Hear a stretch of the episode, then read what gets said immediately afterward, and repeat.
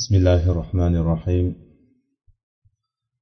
الحمد لله رب العالمين والصلاة والسلام على أشرف الأنبياء والمرسلين وعلى آله وأصحابه أجمعين. أما بعد اللهم يسر ولا تعسر وسهل علي وتمم بالخير.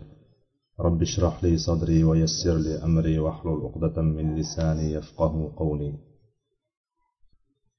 riyoz solihindan o'tayotgan darslarimiz sabr bobida hali ham davom etayotgandik shu sabr bobidan kelgan hadisimiz elliginchi hadisga kelib to'xtagan ekanmiz bismillahi rohmanir rohim وعن أبي هريرة رضي الله عنه قال قال رسول الله صلى الله عليه وسلم ما يزال البلاء بالمؤمن والمؤمنة في نفسه وولده وماله حتى يلقى الله تعالى وما عليه خطيئة رواه الترمذي وقال حديث حسن صحيح bu hadisda bizga imom navoiy rahimaulloh oxirgi roviy ya'ni biz bilamiz hadislarda roviylar ketma ketligida eng oxirgi tabaqada eng oxirgi bosqichda turadigan kishilar sahobalar bo'ladi sahobalardan muksirun deb atalgan ya'ni ko'p hadis rivoyat qilganlarni biz muksirun deymiz hadis ilmida o'shalardan bo'lgan va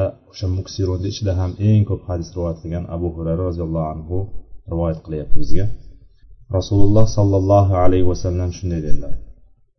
Mo'min kishi bo'ladimi? Ya'ni mo'min kishi va mo'mina ayoliga o'zini nafsida bolasida yo farzandlarida va molida musibat yetib turadi. Doimiy ma yazal ya'ni davomiylikni bildiradi bu.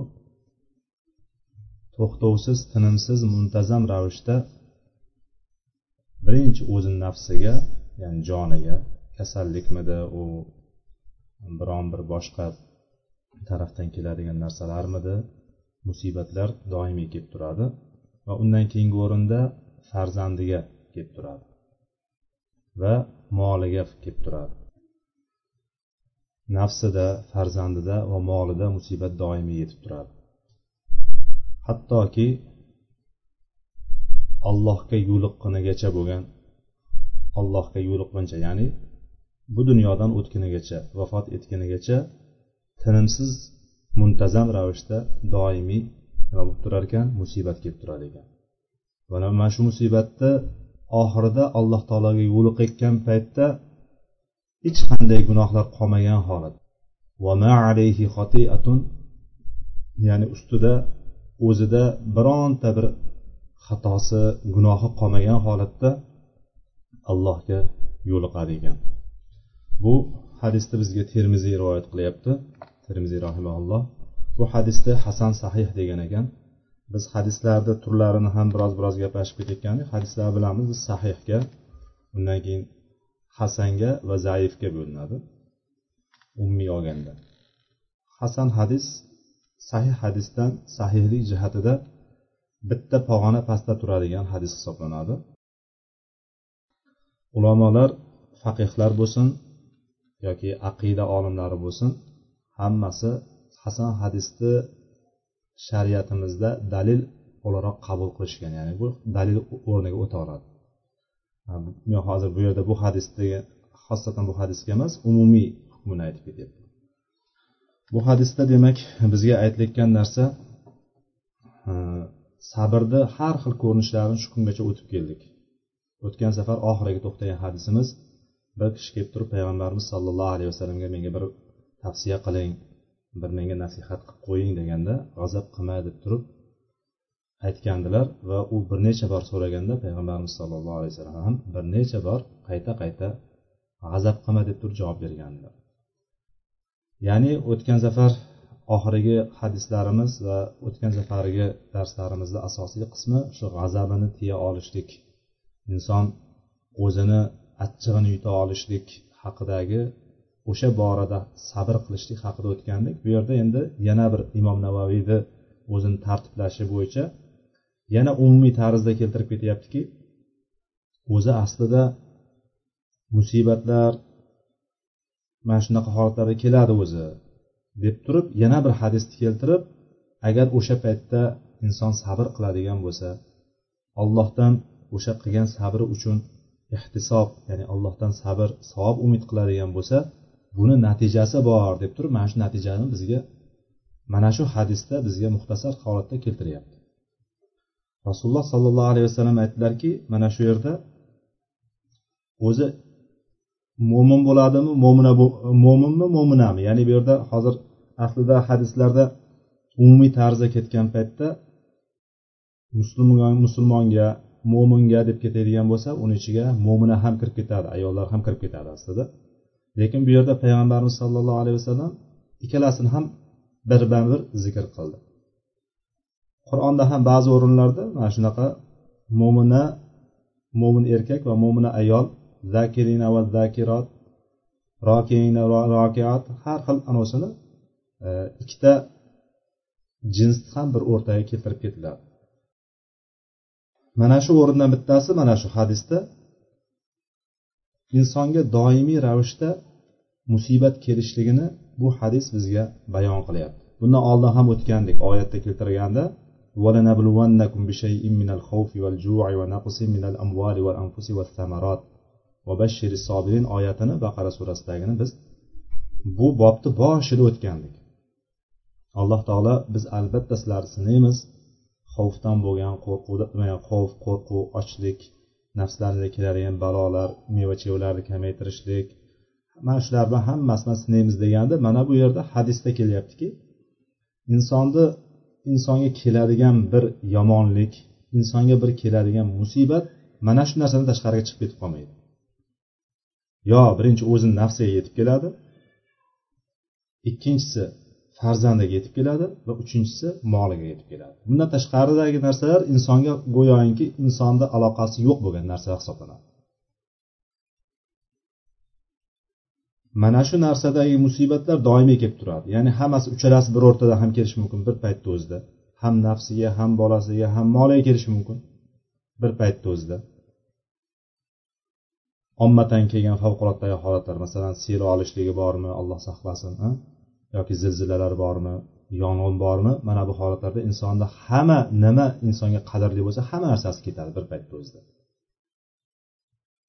yoki har bittasi alohida alohida kelishligi mumkin yoki ikkitasi bitta bo'lib kelishligi mumkin. Ya'ni xullas kalom bunday olib qaraganda insonga balo musibatlar doimiy kelib turishligini mana shu hadis bizga bayon qilyapti.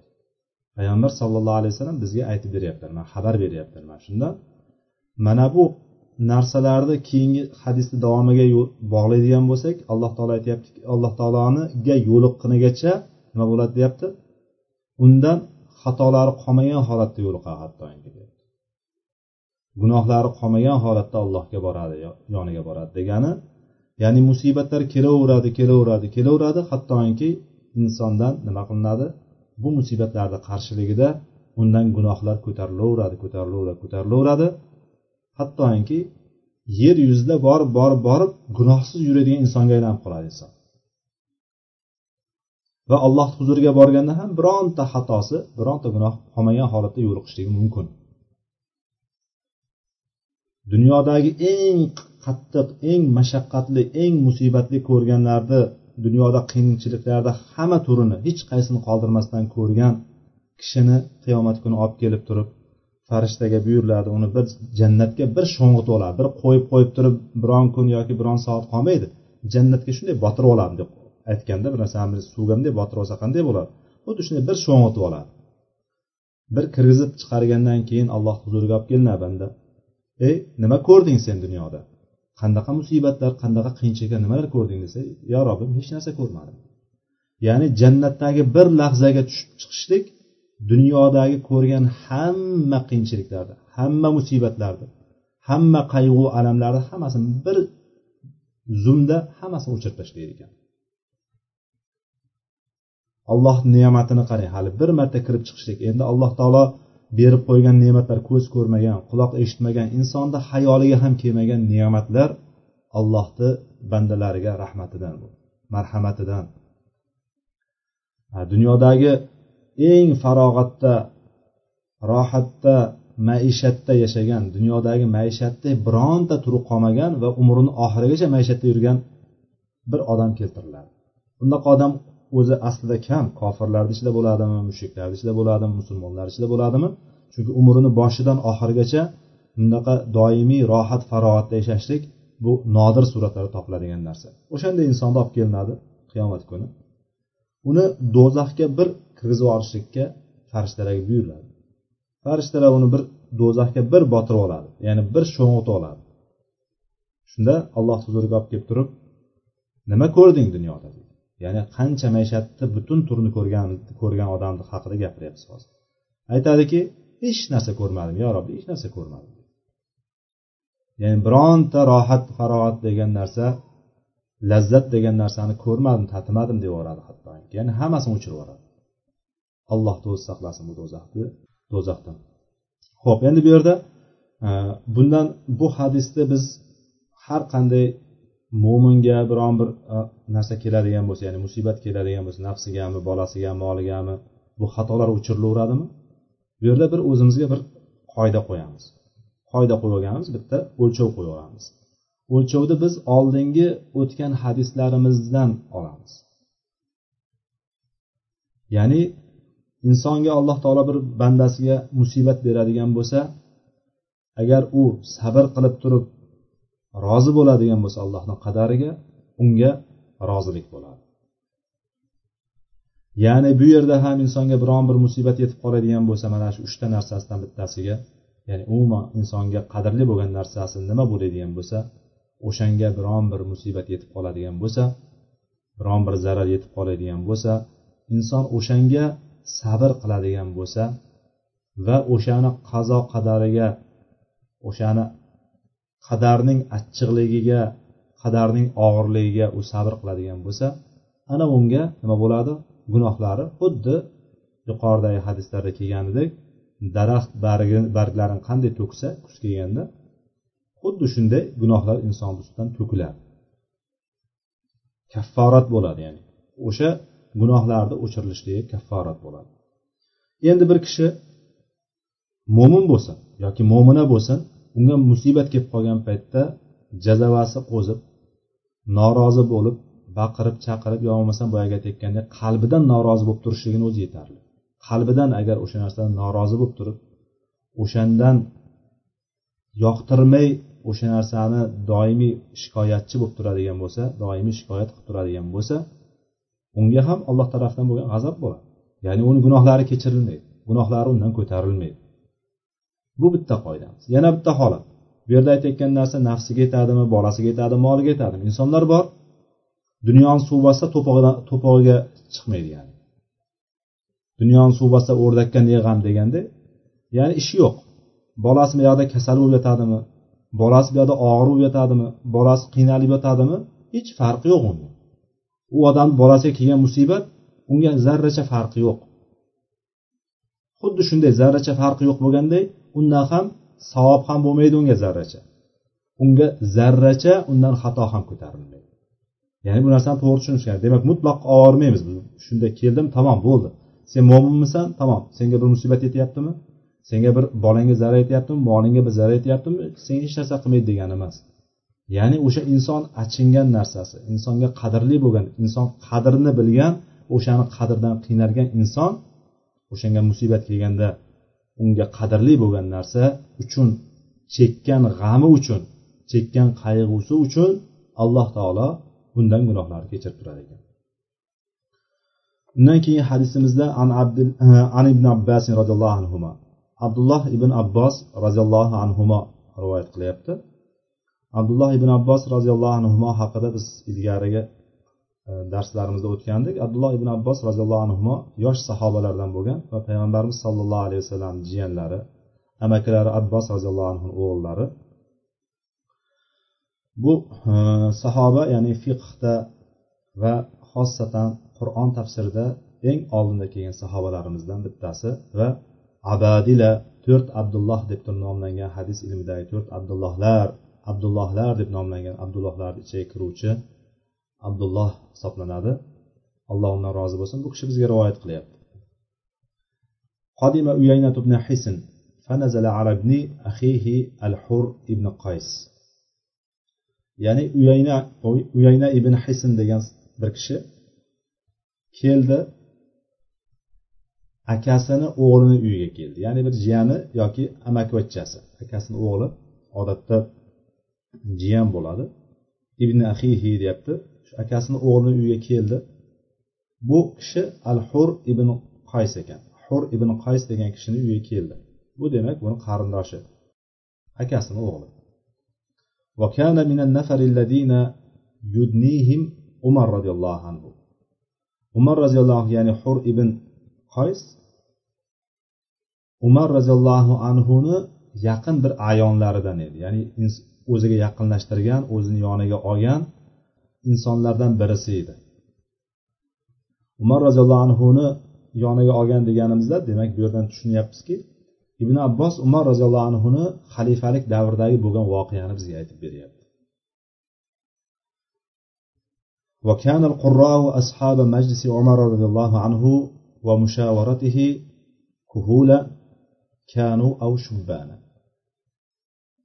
ya'ni umarni odatdagi majlislari o'zini ya'ni umar o'zini o'tiradigan o'sha e, majlisi qaror oladigan qarorlarni boshqa hukmlarni oladigan majlisini kishilari va o'sha yerdagi maslahatgo'ylari ular xoh yosh bo'lsin xoh katta kishilar bo'lsin qorilardan edi deyapti.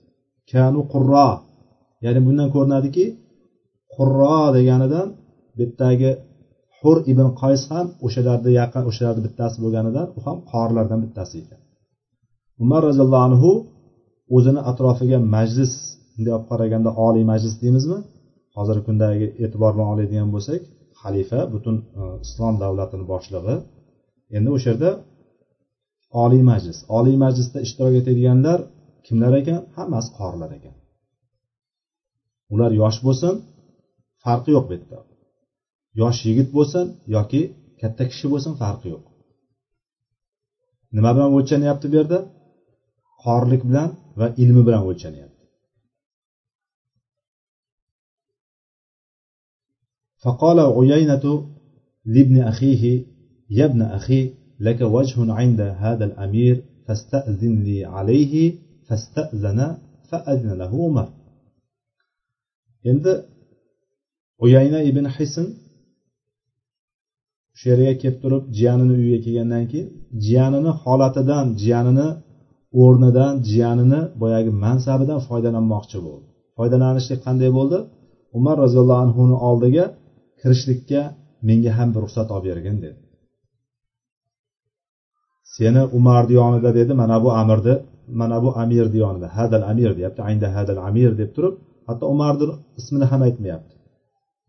Hozir hadis davomida buni nimaga bunaqa bunaqa muomalada bo'layotganligini biz davomida ko'ramiz aynda hadal amir ya'ni mana bu amir amirni yonida seni bir o'zingni o'rning bor. O'zingni bir mavqeing bor. Shuning uchun menga bir izn so'rab bergin. Seni hurmating bor. Borib turib menga izn so'ra ruxsat olib bergin men kiraman dedi. Shunday degandan keyin hur ibn qays borib turib umar roziyallohu anhudan so'radi izn so'radi u uchun umar roziyallohu anhu unga izn berdi فلما دخل قال هيه يا ابن خطاب فوالله ما تعطينا الجزل ولا تحكم فينا بالعدل ya'ni boyagi uyayna ibn hisn keldida kirgandan keyin boyagi jiyanini qo'llanib umar roziyallohu anhu yoniga kirgandan keyin ey ibn hattob dedi Eh senmi ibn hattob dedi deb turib ya'ni hih degani bu yerda boyagini pastga urishlik mensimaslik nazari bilan aytiladigan kalima bu. Hih dedi. Ya'ni e senmi umar ey ibn hattob allohga qasamki bizga ko'p narsa bermaysan dedi. Ma tu'tinal jazla bizga ko'p narsa bermaysan odillik ham qilmaysan dedi. Ya'ni adolat ham qilmaysan bizni ustimizda dedi. Vala tahkumu fina bil adl adolat bilan hukm ham qilmaysan dedi. Buni eshitgan umar umar kim edi? Umar ya'ni haq qayerda bo'lsa o'sha yerda bo'lgan haqqini ayirib yeydigan johiliyat davrida bo'lsin islomda bo'lsin hech narsadan qo'rqmaydigan hatto shayton ham bu ko'chadan yuradigan bo'lsa umar roziyallohu anhu boshqa ko'chadan aylanib o'tib ketadigan hatto shayton ham ko'rganda titrab ketadigan umar roziyallohu anhu yonida uyaynat ibn hisn degan bir kishi kelib turib umarga mana shunaqa gaplarni gapiryapti ya'ni bizda kitoblarimizda va biz shu paytgacha bilib kelgan narsalarimizda adolat timsoli bo'lgan umar ibn xattob roziyallohu anhuga mana shu gap gapirilyapti umar bu nohaqlikni eshitgandan keyin nima qiladi umar roziyallohu anhu g'azablanib ketdi فغضب عمر رضي الله عنه حتى هم أن يوقع به o'sha payt ya'ni hattoki turib adabini berib qo'yishlikka ta'zirni berib qo'yishlikka ham qasd qildi. G'azablandida g'azabi ko'rindi ya'ni. G'azabi ko'ringanidan ushlab ta'zirni berib qo'yadigan berishga qasd qilgan paytda jiyani qo'shildi boyagi jiyani ham demak o'sha yerda ekan. Faqola lahul hur. Jiyani aytdiki ya amirul mo'minin innalloha taala qola linabiyhi sollallohu alayhi vasallama خذ العفو وأمر بالعرف وأعرض عن الجاهلين وإن هذا من الجاهلين jiyani hur boyagi uyaynani jiyani hur ey amiril mo'minin alloh taolo payg'ambariga shunday degan kechirimli bo'ling ya'ni afni af afni oling ya'ni hudil afva kechirimli bo'ling va amur bil urf va yaxshilikka buyuring va johillardan yuz o'giring degan. Deb turib mana shu oyat dalil qilib keltirdi va aytdiki orqasidan bu johilda bitta johillardan bittasida dedi. Qo'ying shuni shu bilan teng bo'lasizmi deganday qilib turib a bu johillardan bittasi mana bu yerda alloh taolo johillardan yuz o'giring deyapti dedi. Yuqorida aytgandek umar roziyallohu anhu majlisga kimlarni yiqqandi majlisga har doim o'tiradigan odamlar qorilar edi bu yerda hur ibn qays ham o'sha olimlardan qorilardan bittasi edi o'sha o'rinda ollohni kitobidan bir dalil keltirdi ya'ni shunda umar roziyallohu anhuni holatiga bir boqinglar والله ما جاوز عمر حين تلاها وكان وقافا عند كتاب الله تعالى allohga qasamki hur mana shu oyatni o'qigan paytda ma javazaha umar Hina talaha o'shani o'qigan paytida umar roziyallohu anhu bundan o'tib ketmadi. Ya'ni mana shu turgan o'rnidan o'tib ketmadi. Ya'ni oyatdan nariyoqqa o'tib ketmadi. Urmoqchi bo'lib turuvdi hozir uni. Ushlab ta'zirni berib qo'ymoqchi bo'lib turuvdi umar roziyallohu anhu. Shu oyatni o'qigan paytda agar balki ushlagandir yoqasidan olloh bilguchi endi bu yerda umumiy tarzda aytib ketyapti ushladi hammasini ta'rif etmayapti. Hatto yoqasidan ushlagandir shu oyatda aytgan paytda balki yoqasini qo'yib yubordi. To'xtadi yana o'sha shu bor qo'lda qudrati bor haqli. Shunday ushlab turib bir urib teskari qilib qo'yishi mumkin edi uni. Lekin umar roziyallohu anhu mana shu o'rni to'xtadi. Va ibn abbos roziyallohu anhu hadisimizni roviysi aytyaptiki u vaqqof edi vaqqof degani vaqafa to'xtamoq. To'xtash vaqf degani vaqif desa to'xtovchi degan to'xtab turuvchi to'xtovchi degan. Lekin vaqqof bo'ladigan bo'lsa o'shani orttirma darajasi bo'ladi. Allohni kitobini qarshisida allohni kitobidan biron narsa keladigan bo'lsa to'xtaydi juda to'xtovchi edi. Ya'ni har qanday holatda to'xtay oladigan kishi edi demoqchi. Va o'shanga amal qilardi buni imom buxoriy o'zini sahiylarida keltirgan ekan. Bu hadisni mana bu o'ringa e, imom navaviy keltirdi bizga. Buni bizni bobimizga ya'ni sabr bobiga nima aloqasi bor? Sabr bobiga nima aloqasi bor? Bu kelgan kishi uyayna ibn hisn o'zini qavmida bir qavmini kattalaridan bittasi ekan ya'ni kibor kattalardan bittasi. Kelgan paytda ham endi e, o'sha o'zidagi doim his qilib yurgan narsasi bo'lgan umar adolatsiz umar bunaqa umar bunaqa degan gapini kelib turib hattoki umarni o'ziga ham gapirdi. Ya'ni bu odam uyayna ibn hisn demak o'zi shu o'ringa loyiq bo'lgan odam edi hattoki o'sha yerda kaltak yeyish yeydigan darajadagi odam edi. Ya'ni biroz kattasi bo'lgandan keyin qavmni kattasi bo'lgandan keyin ozgina g'ururi bor ozgina kattaligi bor manmanligi bor. Kelib turib umarga mana shu gapni gapirdi. Endi mana shu o'rinda biz g'azab haqidagi narsani o'tdik. G'azab haqidagi e, o'tgan darsimizda g'azab haqida ancha keng batafsil gapirdik. Mana bu hadis ham o'sha bobni bir qismi o'sha o'tgan darsimizni bir bo'lagi hisoblanadi. Bu yerda sahobalarni bizga nisbatan o'rni qanday ekanligini bizga bir bayon qiluvchi hadisdan bittasi. Umar roziyallohu anhudek keskin bo'lgan shiddatli bo'lgan jur'atli bo'lgan qo'rqmas bo'lgan va qo'lida saltanat bo'lib turgan amirlik paytida bir kishi kelib turib mana shunaqa nohaq gapni gapirgan paytda g'azabini ichiga yuta oldi. Qachon? G'azabini ichiga yuta oldi qur'ondagi bir oyatni keltirilgan paytda.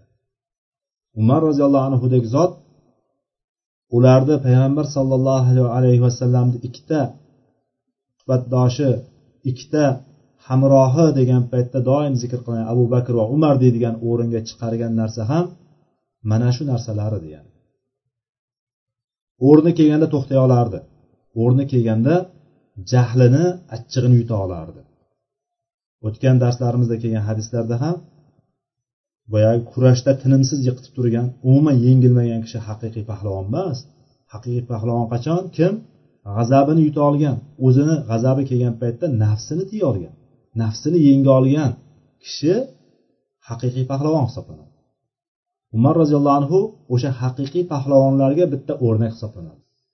Eng yorqin o'rnaklarimizdan bittasi mana umar roziyallohu anhu bo'ladi. Haqiqatda o'zi ham pahlavon va nafsini yenga oladigan pahlavon edi. Hatto ayol kishilar kelib turib xitob qilgan paytda ya'ni umar roziyallohu anhu bunday qilinglar bunday qilinglar deb turib mahrni mahr allohu alam shu mahr haqida gapirgan paytda mahrni ozaltiringlar bunday degan paytda sen ollohni mana bu qonusi bor ya'ni xohlagancha olinglar degan oyati bor deb bir ayol kishi o'sha yerda turib umarga tik gapirgan paytda umar xato gapirdi ayol to'g'ri gapirdi deya oladigan darajadagi ollohni kitobi rasulini sunnati qarshisida to'xtay oladigan sahoba edi. Mana bu o'rinda g'azabni yuta olishlik haqidagi o'sha paytda sabr qila olishlik nohaqlik bo'lgan taqdirda ham o'sha o'zida o'sha narsani qaytarib olishlik o'sha o'ch olishlikka qodir bo'lib turgan holatda ham g'azabini yuta olishlik degan narsada sabr qilishlikka mana bu o'ringa hadisni bizga keltirib ketyapti. Bu hadisni bizga imom navoiy mana shu o'rinda shuning uchun keltirdi buni. Va yana bir narsa agar o'sha paytda bir jahl chiqqan paytda inson yoki bir kishini yomonlik qilib turgan e, paytda ham unga yaxshilik qilishlik orqasida bizga keladigan bir katta katta yaxshiliklar bor. Bu yaxshiliklarni biz ko'ra olmaymiz. Agar qiladigan bo'lsak ko'ramiz o'sha narsani. Natijasini ko'ramiz. Bizda yomonlik qilganga ham yaxshilik qil degan xalqimizni ichida bir gaplar bor lekin bu narsalarni asli haqiqatda bor. Bu narsalarni asli oyatda bor. Oyatda alloh taolo aytadiki tastavil hasanatu vala sayyi'a idfa billati hiya ahsan fa idalladhi baynaka va baynahu adawatun ka'annahu waliyyun hamim fussilat surasida keladi ya'ni hech qachon yaxshilik bilan yomonlik hasana bilan sayyi'a ikkalasi teng bo'lmaydi va o'sha yomonlik qilib turgan kishiga ham idfa billati hiya ahsan ya'ni senga bir kishi bir muomala qilib turgan bo'lsa undanda ko'ra yaxshirog'i bilan unga javob qaytar. Yomonlik qilib turgan bo'lsa yaxshilik bilan. Kichkina yaxshilik qilayotgan bo'lsa katta yaxshilik bilan. Unga javob qaytarginki javobi nima? Faidalladi agar shunday qiladigan bo'lsang baynaka va baynahu adavatun agar u bilan seni o'rtangda bir adovat bo'ladigan dushmanchilik bo'ladigan bir kishi bo'ladigan bo'lsa ham shunday holatga aylanib qoladi. Hamim. Eng qaynoq do'stga aylanib qoladi. Eng yaqin do'stga aylanib qoladi hattoki. Bu narsani hayotda sinab ko'rishlik mumkin. Va sinalgan ham chunki bu narsani kim aytib turibdi? Alloh taolo aytib turibdi bizga. Mana bu hadisdagi o'rnini tushundik ya'ni g'azabni yuta olishlikka qodir bo'la turib turib g'azabini yuta olishlik. Va bu ham qayerda oyat hadis keladigan bo'lsa o'sha joyda to'xtashlik. Ya'ni bizda oyat kelgan paytda oyatdan dalil kelgan paytda yoki hadisdan dalil keltirilgan paytda ham bizni bitta nuqsonimiz o'sha joyga e'tibor bermasdan go'yoki havoga aytilayotganday go'yoki devorga aytilayotganday biz nima ishimizni davom etaveramiz. Bu narsa bizni iymonimizdagi zaiflik iymonimizdagi bir nuqson hisoblanadi. Alloh bizlarni qur'onni qarshisida hadisni qarshisida to'xtay oladigan va unga amal qiladiganlardan qilsin. Undan keyin hadisimiz ibn masud roziyallohu anhudan kelyapti. وعن ابن مسعود رضي الله عنه أن رسول الله صلى الله عليه وسلم قال إنها ستكون بعدي أثرة وأمور تنكرونها قالوا يا رسول الله فما تأمرنا قال تؤدون الحق الذي عليكم وتسألون الله الذي لكم muttafaqun alayh. Bu hadisni ibn masud roziyallohu anhu rivoyat qilyapti. Ibn masud deganimizda biz bilamiz har doim abdulloh ibn masud tushuniladi. Abdulloh ibn masud haqida biz oldingi hadislarimizda gaplashgandik. Islomga avvaliga kirgan va sahobalarni ichida işte eng jur'atli bo'lgan olim sahobalardan bittasi. Bu kishi e, rivoyat qilyaptiki rasululloh sollallohu alayhi vasallam shunday dedilar. إنها ستكون بعدي أثرة وأمور تنكرونها. Mendan keyin dedilar payg'ambarimiz sollallohu alayhi vasallam shunday bir insonlar keladi. Asaratun ya'ni faqat o'zini o'ylaydigan xudbin insonlar keladi. Va tunkirunaha shunday ishlar bo'ladiki sizlar uni shariatdan mas bo'lgan ishlar yuzaga keladi. Ya'ni sizlar inkor qiladigan noshar'iy bo'lgan ishlarni ko'rasizlar. Shunday deganlarida payg'ambarimiz sollallohu alayhi vasallamga sahobalar aytishdiki yo rasululloh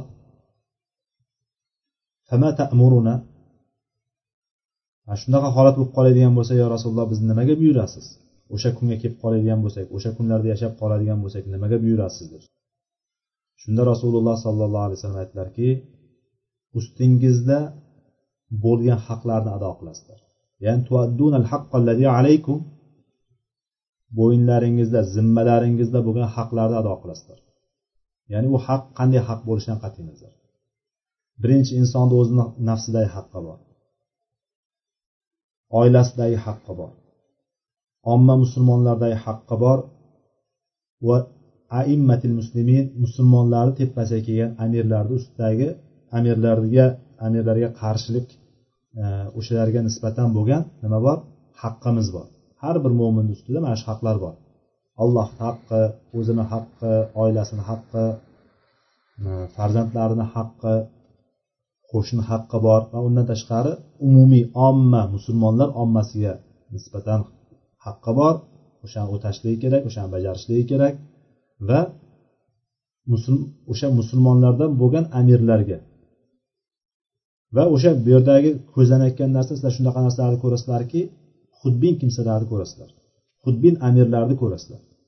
Va sizlar ko'rmagan inkor qilinadigan ya'ni meni davrimda shu paytgacha ko'rmagan holatlarni ko'rasizlar noshariy ishlarni ko'rasizlar deganda sahobalar savoliga payg'ambarimiz sallallohu alayhi vasallam shunday javob beradi ustlaringizda bo'lgan zimmalaringizda bo'lgan haqlarni ado qilasizlar. Zimmalarda bo'lgan haq amirlarga itoat qilishlik. Amirlarga itoat qilishlik ma'rufda. Allohga osiy bo'ladigan ishlarda amirlarga itoat yo'q. Va tasalunalloha allazi lakum ya o'zlaringizni haqlaringizni bo'lsa allohdan talab qilasizlar amirlardan emas. Bu yerda farqni ko'ryapsizlarmi? O'zlaring zimmalaringdagi haqlarni ado qilasizlar va o'zlaringni haqlaringni ollohdan so'raysizlar deb turib payg'ambarimiz sollallohu alayhi vasallam nima qildi?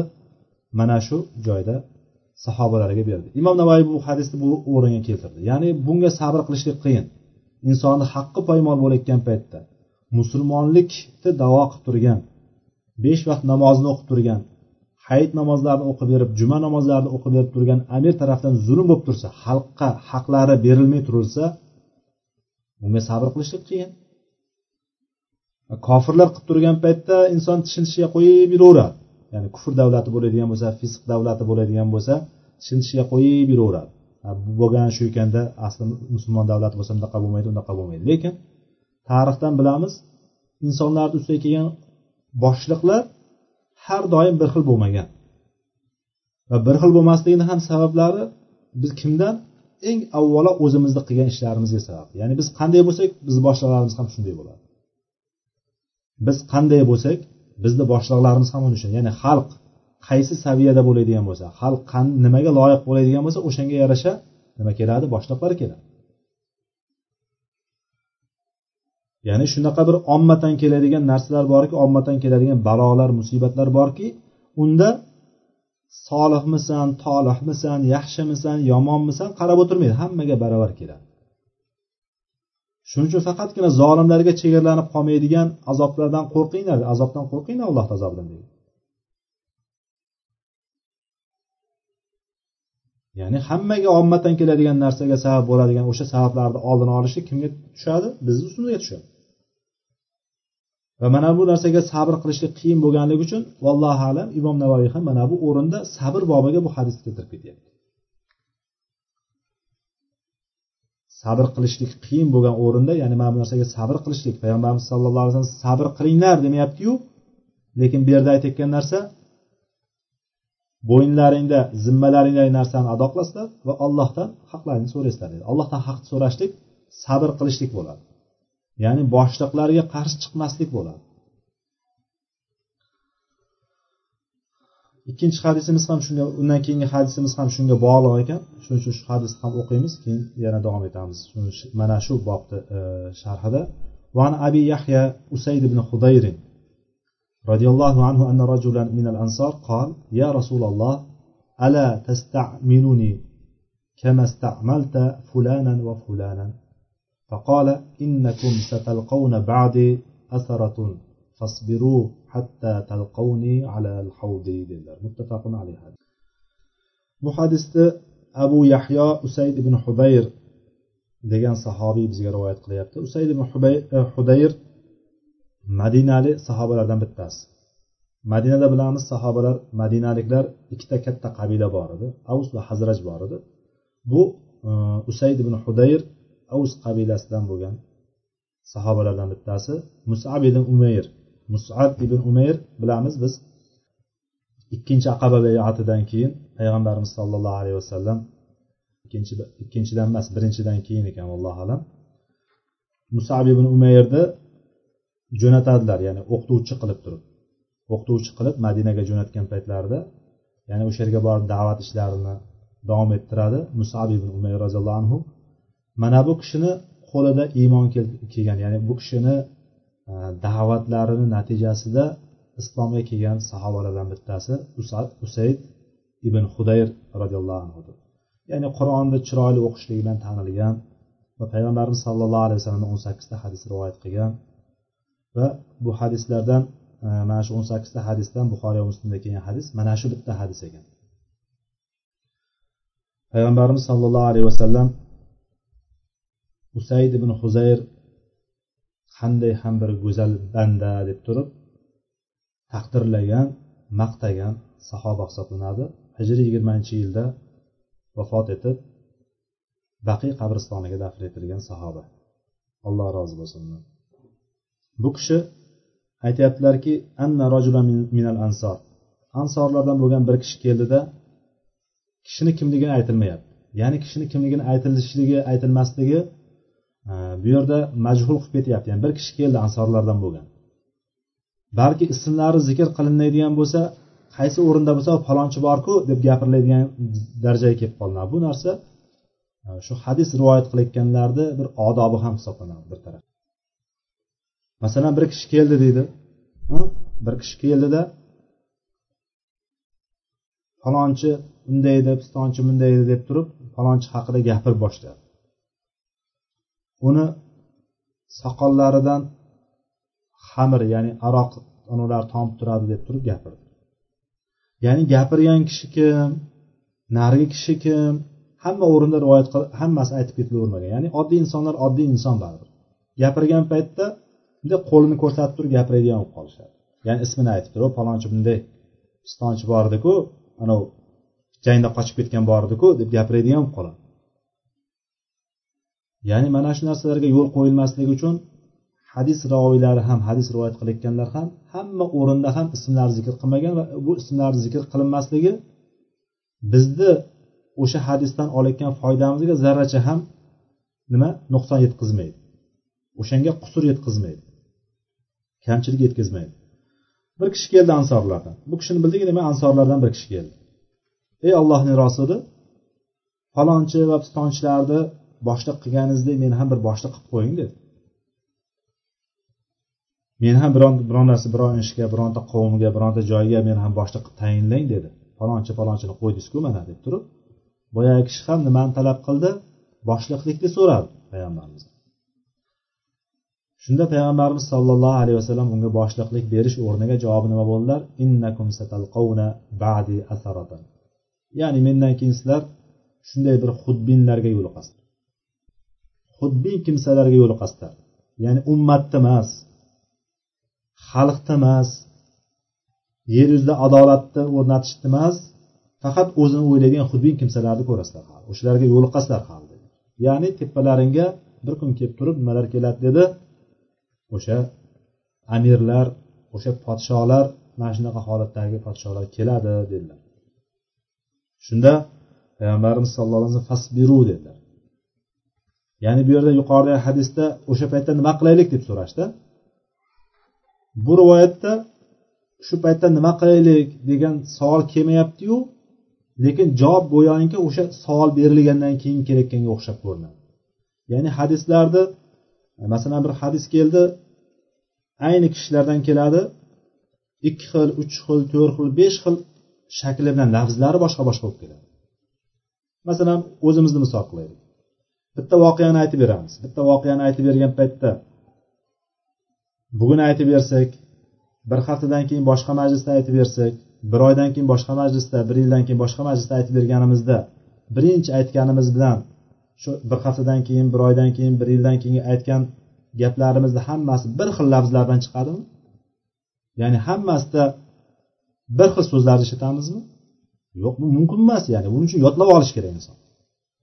Ya'ni o'zini taassurotini inson gapirib beradi. Bir narsani gapirib berayotganda bo'lgan voqeani gapirib bermoqchi bo'lsa o'sha yerdan olgan taassurotni gapirib beradi. Taassurotni gapirib berishlik ba'zi o'rinlarda shuning uchun hadislarni ichidagi lafzlarni o'zgarishligi o'zgarmasligi borasida ham olimlarni ikki xil fikri bor. Ya'ni e, ma'no bilan rivoyat qilishlik bormi yo'qmi? Va lafzi bilan rivoyat qilishlikda shubha yo'q. Lafzini o'zgartirmagan holatda qanday lafz bo'lsa xuddi shunday lafz ustida turgan qattiq turganlar bor. Lekin shu o'rtadagi masalan payg'ambarimizni gaplarini o'zini keltiryapti bu yerda. Yuqorida bo'lsa sahobalarni ham gapi bor. Unda nima qilaylik degan. Bunda ikkalasini o'rtasida qarshilik yo'q. Mana bu hadis ayni hadislar emas. Roviylari ham boshqa boshqa. Demak u boyagi aytayotgan o'sha yerda voqelikni hodisani to'liq gapirib berayotgan bo'lsa balki ham bu ham xuddi shu voqeani bir ko'rinishidirki buni boshqa tarafdan keltirib ko'ryapti. Bir kishi keldi bunaqa deb so'radi payg'ambarimiz shunday javob berdi deb aytadi ya'ni bunday olib qaraganda hadislar haqidagi shubhalarimizni biz hayotda bo'ladigan anavga solishtirishimiz kerak. Voqelikka solishtirishimiz kerak.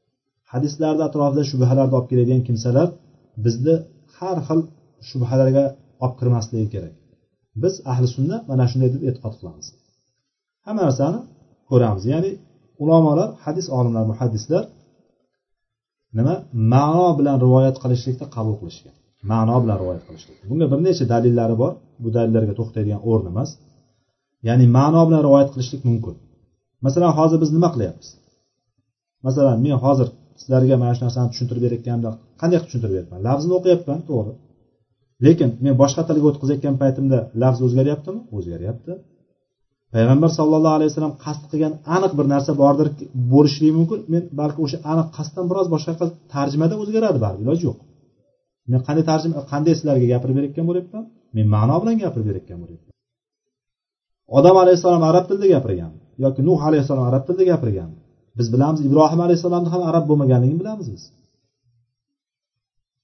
Lekin alloh taolo ibrohim alayhissalom tilidan aytyapti. Men yulduzni ko'rdim. Buni ko'rdim yoki o'g'li kelib turib men seni so'yayotganligingni ko'rdim bunday qilayotganligingni ko'rdim. Ya'ni bularni hammasini arab tilida bizda qur'onda rivoyat qilyapti va rivoyatlar har bitta bitta voqea bir necha lafzlar bilan keladi qur'onda. Muso alayhissalomni ayni qissa bir necha holat. Ya'ni buni degani ma'no bilan rivoyat qilyapti o'rniga qarab turib kelyapti. Alloh taolo mana shu narsani qo'ydimi? Ya'ni bu narsa ma'no bilan rivoyat qilishlikni ulamolar qabul qilgan hamma joyda maqbul ya'ni. Umumiy ulamolarni fikrlari ma'no bilan rivoyat qilishligi mumkin. Ha bu lafz bilan faqat lafzini qanday bo'lsa xuddi shunday yetkazishlik kerak degan olimlar bo'lganmi ha bo'lgan.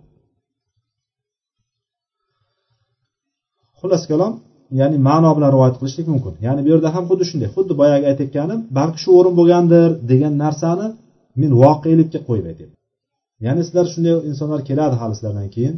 Mendan keyin dedi. Payg'ambarimiz sallallohu alayhi vasallam shunday insonlar keladi amirlar keladi ular xudbin bo'ladi degandan keyin orqasidan fasbiru dedilar.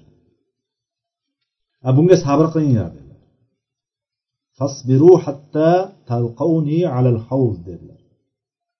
Ya'ni havuzda payg'ambarimiz sallallohu alayhi vasallamga berilgan havuz qiyomat kunidagi havuz haqida e'tiqod kitoblarimizda kelgan hadislarimizdan bir qancha hadislar kelgan. Bilamiz ya'ni keyiniga bir oylik masofa yana bir oylik masofa o'sha yerdagi idishlarini ichadigan qadahlarini e, miqdori soni yulduzlarni miqdoricha uni shirinligi asaldan shirin oqligi sutdan oqligi haqida hadislar keladi. Ya'ni o'sha hovuzni atrofida payg'ambarimiz sollallohu alayhi vasallam aytdilarki hovuzni yonida menga yo'liqqunlaringgacha sabr qilasizlar dedilar. Ya'ni hattoki o'lgungacha har bir musulmonga tegishli. Payg'ambarimiz sollallohu alayhi vasallamdan keyin kelgan mana shu hadisni kim eshitsa to qiyomatgacha musulmonman degan kishi payg'ambarimizni mana shu hadisni amal qiladi. Ya'ni ustimizga keladigan amirlar namoz o'qiydigan ro'zasini tutadigan va juma va hayit namozlarini o'qib beradigan xudbin kimsalar bo'lishligi mumkin. Lekin xudbin kimsalar bo'lganda biz ularga boyagi aytayotgandek qarshi chiqib ularni to'ntarishga ag'darishlikka harakat qilmaymiz. Sababi nima? Payg'ambarimizni tavsiyalari bor. Bu haqda biz bilamiz ya'ni amirlarga itoat qanday bo'lishligi bular haqida e, bu o'rin bo'lmaganligi uchun yana qisqacha aytib ketyapmiz. Bu narsada bizga xilof qilgan toifa kimi? Havorijlar havorijlar hattoki e, sahobalarni aksariyatini kofirga chiqarib yuborishdi. Va o'sha kofirga chiqarishligi e'tibori bilan sahobalarga qarshi urush ochdi ular. Sahobalarni kofir deyishdi ular. Hattoki ali roziyallohu anhuni ham kofirga chiqarish shuning uchun shuni orqasida ali roziyallohu anhu ham shahid qilindi. Undan keyingilar ham qancha bittasi shahid qilindi. Undan keyingi bo'layotgan narsa ular nima bo'ldi? Takfir borasida ya'ni biroz insonni kofirga chiqarishlik borasida biroz g'ulu ketdilar ular. Qarshi chiqdi mana bu hadislarga amal qilishmadi ular ahli sunna nima? Ahli sunna o'rta yo'l tutgan kishilardir. Shuning uchun bir rivoyatlarda keladi. Havorijlardan bir kishi keldi o'sha havorijlardan bo'lgan bir kishi. Ali roziyallohu anhuni yoniga keldida ey ali dedi odamlarga nima bo'ldiki dedi. Mana shu e, ya'ni senga biroz senga bo'ysunmayaptida lekin ularga bo'ysungandi. Abu bakr va umarga itoat qilgandi senga itoat qilishmayapti dedi. Ya'ni ali roziyallohu anhuni biroz nima qilyapti? Anosini qo'zishlik uchun ya'ni biroz tezlash uchun gapiryapti. Odamlarni qara nima bo'ldi odamlarga? Abu bakr va umarga itoat qiladiyu senga itoat qilishmayapti ya? deb turib inkoriy gap bilan gapiryapti. Arab tilida ma balan nas deb gapiryapti. Ma bala degani bu inkori inkor qilganda ham boyagilarni mensimaslik o'shani ustidan bir qandaydir quruq savol emasda bu. O'sha narsani mensimasdan qandaqa ham bo'lib ketdi ya odamlar deydigan gap bilan gapiryapti. Shunda ali roziyallohu anhu aytdilarki abu bakr umarni yonida abu bakr abu bakr va umarni yonida men va menga o'xshagan kishilar bor edi. Meni yonimda esa sen va senga o'xshagan kishilar bo'lganligi uchun javobni qaranglar. Juda chiroyli javob bergan. Ya'ni abu bakr va umarni yonida men va menga o'xshagan insonlar bor edi. Shuning uchun itoatda turishgan. Meni yonimda esa sen va senga o'xshagan insonlar bor. Shuning uchun itoat qilishmayapti deb turib javob bergan ekanlar. Ya'ni bu bobda e, bu o'rinda bu hadisni imom navoiy keltirishligini sababi ham sabr ko'rinishlarini yana bir ko'rinishi nima ekan? Amirlarga sabr qilishlik bo'lgan bir hadisda bizga rivoyat qildi. Undan keyingi hadisimiz an abi ibrohim abdulloh ibn abi avfa roziyallohu anhu anna rasululloh sollallohu alayhi vasallam ba'di أيامه التي لقي فيها العدو انتظر حتى إذا مالت الشمس قام فيهم فقال يا أيها الناس لا تتمنوا لقاء العدو واسألوا الله العافية فإذا لقيتموهم فاصبروا واعلموا أن الجنة تحت ظلال السيوف. ثم قال النبي صلى الله عليه وسلم اللهم منزل الكتاب ومجري السحاب وهازم الأحزاب اهزمهم وانصرنا عليهم. متفق عليه. Bu hadisda abu ibrohim abdulloh ibn abi avfa roziyallohu anhu rivoyat qilyapti. Bu sahoba ikkalasi ham ya'ni anhuma ya'ni otasi ham o'zi ham ya'ni abu avfa ham musulmon bo'lgan sahoba bo'lgan va abdullohni o'zi ham sahoba bo'lgan. Shuning uchun biz roziyallohu anhumo deb turib ikkilik siyg'asida gapiramiz.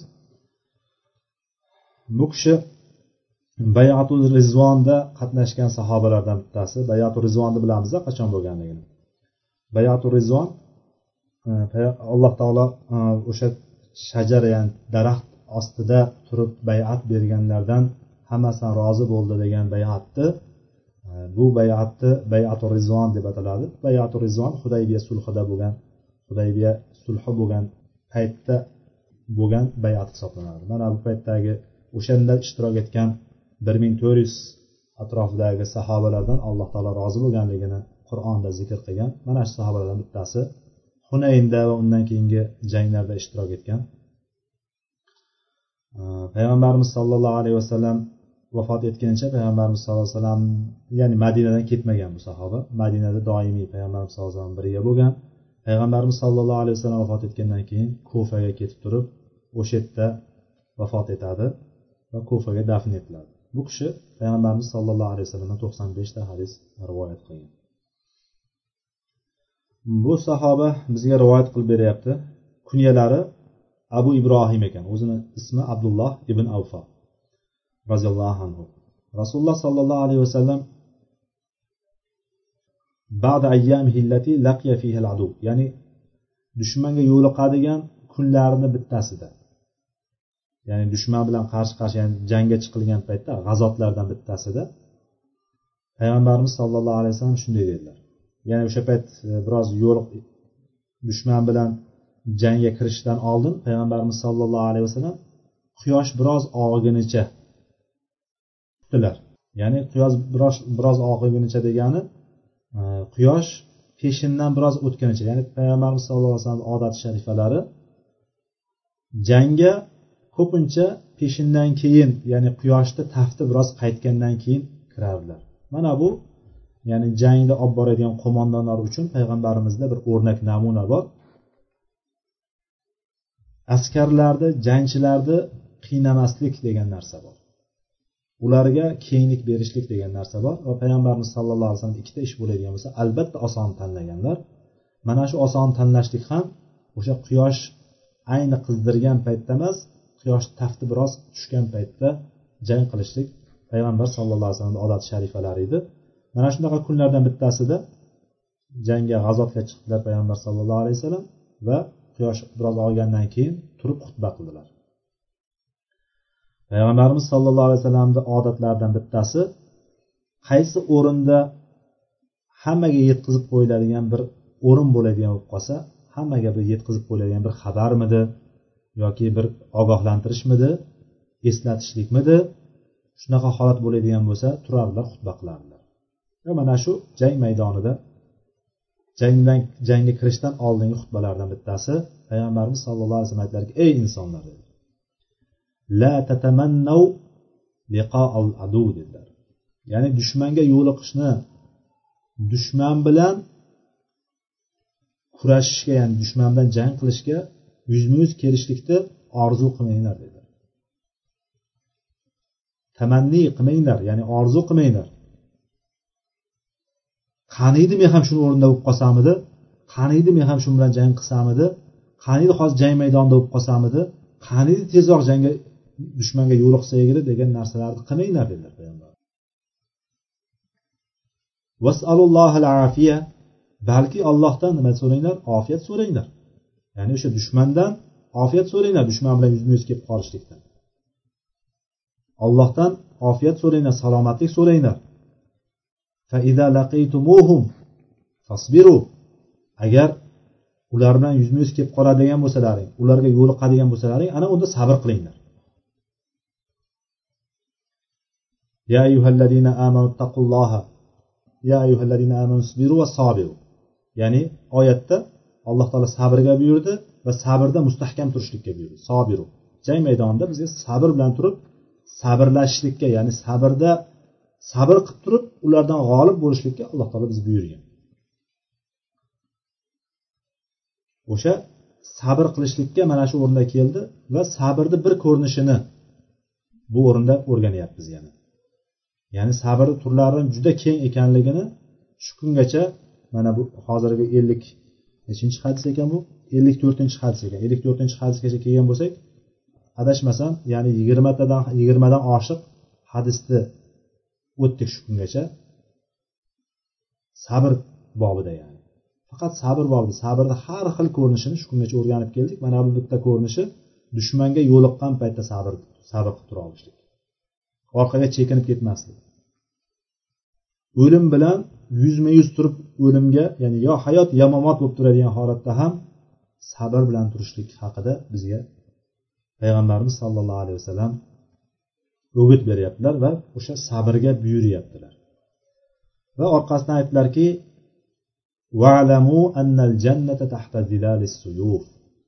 va bilinglarki shuni bilinglarki jannat qilichlar soyasi ostidadir dedilar.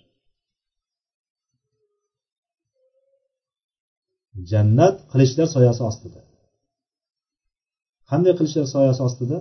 Ya'ni jang maydoniga kirgan kishi mo'min bo'ladigan bo'lsa allohni kalimasini oliy qilaman deb jang qilayotgan bo'lsa o'ldirilsa kim bo'ladi? Shahid bo'ladi. Shahidlarni to'sib turgan narsa nima? Shahidlar ya'ni insonda shahid bo'layotgan holatdagi jang maydoni turgan holatni to'sib turgan narsa o'lishligi. O'sha yerda o'ldirilsa tamom to'g'ri jannatga kirib ketadi. Ya'ni shunda jannatni qilichlari soyasini ostida bo'lishligini sababi nima ekan? O'sha qilichlarni ostida soyasini ostida bo'lib turishligi jannatga to'g'ri kirgizib ketadigan narsa o'sha ollohni kalimasini oliy qilaman deb turib sabr bilan jang qilib allohdan yordam so'rab turgan kishi shahid bo'ladigan bo'lsa jannatga to'g'ri kiradi va so'ngra payg'ambar sallallohu alayhi vasallam aytdilarki allohma munzilal kitab mujriyas sahab hazimal ahzab ihzimhum vansurna alayhim dedilar. Ey kitoblarni nozil qilgan ey kitobni nozil qilgan ya'ni qur'onni nozil qilgan bulutlarni harakatga keltirgan va ahzob ya'ni guruhlarni mag'lub qilgan ollohim ihzimhum ularni mag'lub qilgin ya'ni dushmanni mag'lub qilgin va bizni ularni ustida g'olib qilgin dedilar. Vansurna alayhim va ularni ustida bizni g'olib qilgin deb turib bizga yordam bergin ularga qarshi deb turib payg'ambarimiz sallallohu alayhi vasallam mana shu duoni o'rgatdilar. Ya'ni jang maydonida turgan kishi dushman bilan qarshima qarshi kelgan kishini odoblaridan bittasi mana shu duoni qilishligi kerak ekanligini payg'ambarimiz sallallohu alayhi vasallam mana bu o'rinda bizga o'rgatib ketdilar. Ya'ni mana shu allohni munzilal kitab va mujriyas sahab va hazimal ahzab ihzimhum vansurna alayhim degan duoni o'rgatib ketdilar. Jannat haqiqatda qilichlar e, qilichlarni soyasini ostida deganligidan mana hattoki jannatga to'g'ri kirib ketishligi haqida kelgan e, kelgan hadislardan bittasi biz aytgandik. Anas ibn molik roziyallohu anhuning bir amakilari bo'ladi deb o'tgan darslarda bir aytuvdik uni ham ismi anas bo'ladi. Anas ibn nadir ya'ni anas ibn molikni ya'ni molikni molik ibn nadirni akasi yoki ukasi anas ibn nadir. Mana bu kishi uhud kunida inni la ajidu rihal janna duna duna uhud deganlar. Ya'ni allohga qasamki men inni la ajidu rihal janna jannatni hidini u uhudni bir pastroq joyida jannatni hidini hidlayapman degan hidini sezyapman degan. Qaranglar alloh taolo shunchalik bir ne'matni berib qo'ydiki hali shahid bo'lgani yo'q. Jang maydoni turibdi. Jang maydoni turgan holatida alloh taolo jannatni hidini hidlaydigan ne'matni berib qo'ydi. Va o'sha aytgan joyida uhudni past joyida shahid bo'libdi. O'sha yerda e, o'ldiriladi. Mana shu narsani olamiz. Ya'ni bu e, jannatni qilichlar soyasini ostida deganda mana shu Э, haqiqatda qilishlar endi bugungi kunda aytish mumkin bugungi kunda qilish yo'qku qilish yo'q bo'ladigan bo'lsa boshqa asboblar bor ya'ni o'sha asboblarni ostida bo'lib qolaveradi nima bo'ladi qilichni o'rniga nima keladigan bo'lsa jang asboblari jang qurollar qurollar ya'ni o'sha qurollarni ostida jannat bo'lib qolaveradi inshaalloh. Mana bu hadisdan oladigan foydalarimizdan bittasi jang maydonida sobit bo'lib turib mustahkam turishlik. Mustahkam turishlik. Eng katta narsalardan bittasi.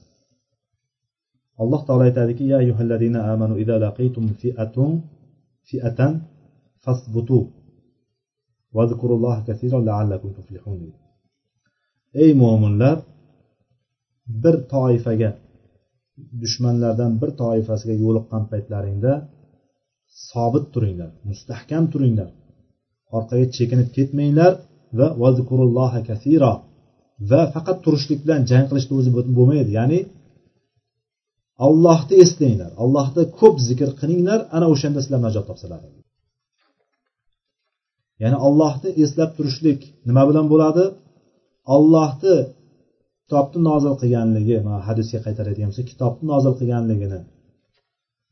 Butun bulutlarni yurg'izgan ham olloh ekanligini bilib turishlik. Va katta katta azoblarni yoki katta katta guruhlarni mag'lub qilgan ham olloh ekanligini bilib turishlik va o'sha narsani ollohdan so'rab turishlik yenguvchi zot olloh aziz qudratli zot olloh ya'ni alloh taolo bizga nusratini bermaydigan bo'lsak biz hech qachon yenga olmaymiz. Hech qachon nusratga erisha olmaymiz. U hunayn kuni o'tuvdi. Hunayn kunida qanaqa musulmonlarni ko'pligi haqida oldingi hadislarimizda keluvdi. Hunayn kunida musulmonlar juda ko'pchilik edi bugun aytishgan ba'zilarni og'zidan chiqishdiki o'sha payt gaplar chiqdiki biz bugun